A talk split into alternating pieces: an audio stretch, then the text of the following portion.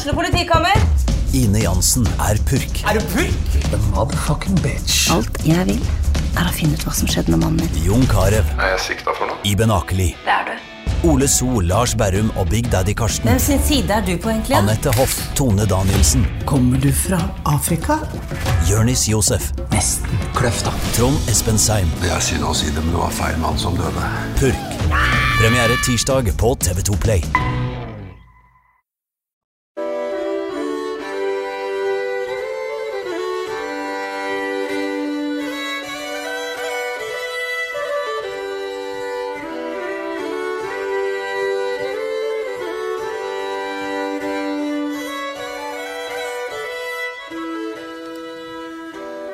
Velkommen tilbake til eh, historiepodden. Nå har vi forlatt eh, skutenes verden i Tønsberg, og vi er omtrent på samme tid. eh, og vi, men vi hørte liksom litt annen musikk her i starten, Cecilia Gustavsen.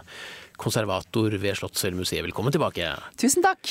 Vi hørte litt folkemusikk, litt toner Ja. fra den. Hvorfor i all verden gjorde vi det? Nei, det passer jo godt da til Tilla Hvalstads medlemskap i norskdomsrørsla. Ja, intet mindre. Det var eh, det hun, eh, en av tingene hun er blitt veldig kjent for. Ja. Eh, Sånn, men da var hun voksen. Vi kan jo starte litt sånn kronologisk, for nå er vi ja, sånn årstid, nei, årstall. Hvor, er, hvor befinner vi oss nå? Nå er vi på 1800, på slutten av 1800-tallet. Og med Tilla Valstad, som er født i 1871 Ja. som Mathilde Georgine Christiansen. Og hun er født på Løkken i Tønsberg, som Den, vi kjenner til. den gule, herskapelige boligen rett Ja. ved siden av museet ditt. Den Yes. fine, store bygningen. Ja.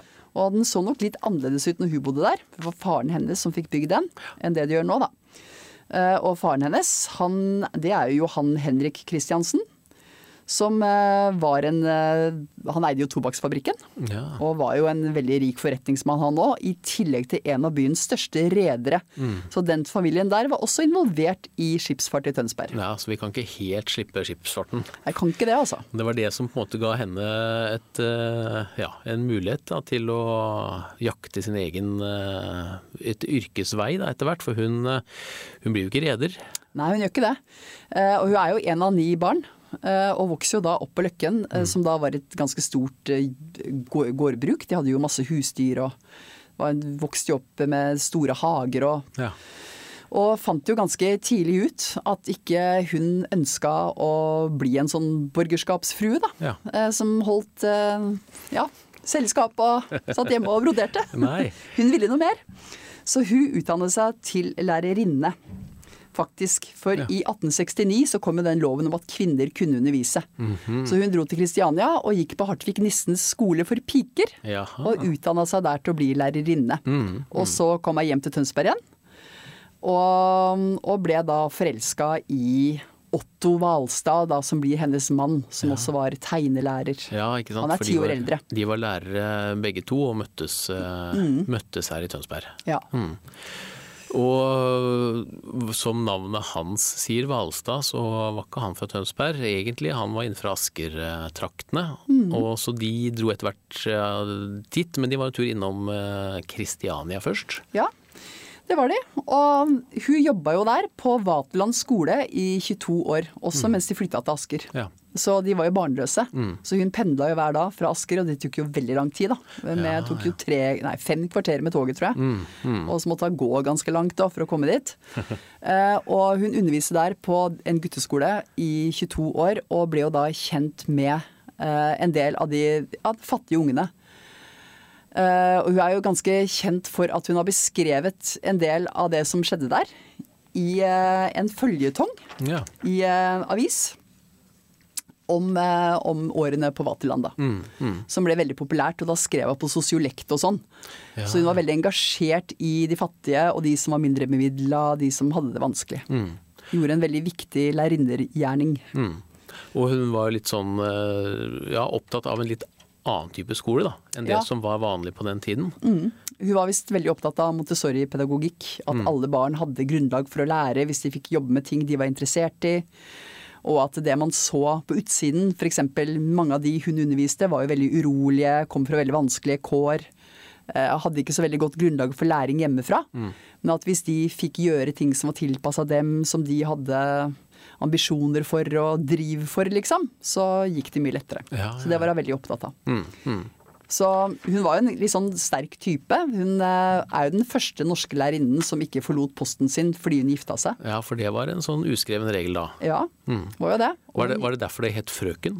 Ja. For de var frøkner fram til de da ikke Ja, kunne absolutt. være lærere mer. Ja. Ja, det stemmer. Ja, for, hun, for det som er tingen der, er at eh, da hun ville forsørge mannen sin da han eh, tok studier Ja, han skulle bli kunstner, Ja. så da forsørga hun han. Og det er jo veldig moderne.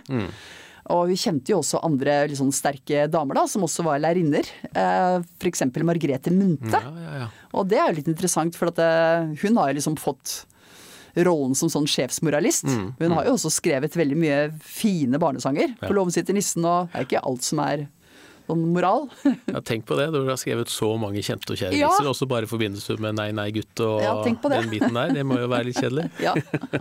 De var kolleger på Vatland skole i fire år. Ja, riktig. Og også Regine Nordmann, som er kjent for de der nordnorske eventyrene. Mm, Så det var en del av de damene, eh, lærerinnene i Oslo-skolen, som, eh, ja, som var veldig ambisiøse. Ja. Og veldig opptatt av pedagogikk. Tok lærergjerningen veldig på alvor. Ja. Og så var uh, Tilla og Otto Valstad de var også del av det som kalles for uh, Asker, Uh, Askergjengen. mm. Hva var det for noe? Nei, det, det ble også kalt for Kunstnerdalen. Ja. Nei, det er jo I Hvalstad da, så bosatte det seg jo en del kunstnere. Blant annet Hulda og Arne Garborg. Eh, og Johan Boyer bodde der, og Oskar Bråten og andre. Ja. Eh, og de var en del sammen og diskuterte språk og politikk og kvinnesak og drev med kunst og, og holdt på med veldig kreative ting, da. Og det som er litt sånn morsomt med Tilla, det er at hun som du sier, hun var jo en sånn kvinnesakskvinne og Mm. som, som du sier litt foregangskvinne på den måten at hun sto i posten sin da, da, da Otto skulle ta mm, videreutdanning for å forsørge ham. Mm. Men samtidig så var hun også litt sånn eh, gammelmodig Ja. i, i andre ting. Så det var litt sånn, litt sånn delt der. Ja, det har jeg tenkt på. Fordi um, kvinnesakskvinnene på den tida de var jo opptatt av likestilling. Ja. Lik lønn for likt arbeid og sånn. Mens hun og Hulda Garborg og sånn, da. De, som Hulda Garborg er veldig kjent for det her med bunaden og Ja. samle inn ja, bunad. Eh, og de var mer opptatt av den tradisjonelle kvinnerollen, at den skulle ha respekt og heder og ære, og at kvinnene selv kunne bestemme hvordan de skulle forme dem. da. Mm, Så de ønska å gi mer kred til husmoryrket, rett og slett. Ja, riktig. Eh, Og det kunne jo bli sett på med litt sånn hm, skepsis Ja, ja. av andre kvinnesakskvinner. Ja. Men de var veldig sånn sikre på den saken. da. At de var veldig opptatt av både ja, språk, men, men det å være i rollen sin som kvinne og utforme den kvinnerollen, da, at den skulle ha respekt, rett og slett. Og det var derfor vi spilte folkemusikk helt i starten, Ja. som vi starta litt med. Det, det var bakgrunnen for det, for det, det Ja. var dette de var opptatt av. og, de og språket også. Ja, Arne Garborg eksempel er jo kjent som en veldig sterk nynorskforkjemper. Eh, og hun utga jo altså Tilla utga jo også egne romansyklus om Thea, som er sånn selvbiografisk. Ja. Hun skrev jo ganske mye. Ja. Og det er jo kjent som sånn garborgsk litteratur, da. Ved at hun skriver på dialekt og sånn. Så jeg var opptatt av det her veldig norske. Og det har jeg også tenkt på er litt sånn det er litt rart, da. Når du- er fra Tønsberg og er oppvokst i et sånt veldig Litt sånn internasjonalt miljø, sånn som kystbyene var. Ja, ja. Fikk Også, masse impulser utenfra. Ja, masse impulser. Og så bosetter du, deg i Asker, og ikke sant, jobber jo da også i hovedstaden, i Kristiania. Og går liksom tilbake. Altså Ja. du blir veldig opptatt av det her eh, veldig nasjons... eh, Ja, norske. Det urnorske. Ja. Og mannen hennes også, han var jo fra Asker, men han var jo målmann. Ja. Nynorskforkjemper. ja, ikke sant. Mm. Og i Asker så, så det, det hjemmet dem står jo fortsatt. Ja, nå er det en del av Asker museum, og de er jo veldig kjent for en veldig fantastisk stor barokk hage. Ja. For når hun gikk på lærerskolen, i tillegg til å lære språk og, og lærefag, så lærte de også hagearbeid, og det var hun veldig opptatt av. Ja, ja, ja. Eh, og så, når hun var ferdig på Vaterland skole, etter 22 år, når ikke hun jobba der lenger, da starta jo både hun og mannen en friluftsskole da, for vanskeligstilte barn. ja, ja. Først var det vel tuberkuløse gutter, og så etter hvert vanskeligstilte. ja. Så ble, etter hvert så ble det solgt, da. Men det drives jo fremdeles gjennom barnevernet. Den Ja, institusjonen. Så det er jo veldig flott. Ja, imponerende. Ja. Når var det Tilla Valstad dør, husker du det i farten? Skal jeg ta, Ja, sånn, noen ganger så spør jeg deg sånne et kontrollspørsmål. Hun dør i 1957, faktisk. 1957. Da er vi godt inne i, eh, inne i moderne tid. Vi starta i vikingtiden Ja. med, med Bjørn Farmann, og endte opp eh, ja, i Asker, da, Ja. med Tilla Valstad. Ja. Eh, alle sammen tønsbergensere. Hva, hva, har vært, din favorittperiode i løpet av det spennet vi har gått gjennom nå? Og vet du hva, da må jeg jo selvfølgelig som arkeolog si middelalder. Men jeg er litt frista til å si eh, liksom Sven Foyn og den tiden, altså sjøfarten. Ja. Det er egentlig en periode jeg ikke kan så mye om. Eh, som jeg skjønner at jeg burde kunne veldig mye om, for det er så veldig viktig del av vår historie. Ja, ja, ja. Og for alle dere andre så, så får dere en gyllen sjanse her til å høre dere opp. Så uh, bare kos dere med de episodene som Cecilie har vært så grei og snill og hyggelig og flink å fortelle oss om Oi. gjennom disse sju episodene. Det har vært en ære å ha deg i studio, Cecilie. Det har vært en ære å få komme. Takk. Bra. Veldig takk til deg også, og takk til dere som lyttet. For med det så er vi ved veis ende. I si, den, eh, den historiske vandringen gjennom eh, Tønsberg. Tusen takk for at dere har vært med oss.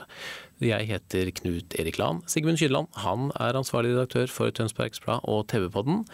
Og så får vi bare si da at eh, vi hørs i et annet program. Har du et enkeltpersonforetak eller en liten bedrift? Da er du sikkert lei av å høre meg snakke om hvor enkelt det er med kvitteringer og bilag i fiken, så vi gir oss her, vi. Fordi vi liker enkelt. Fiken superenkelt regnskap.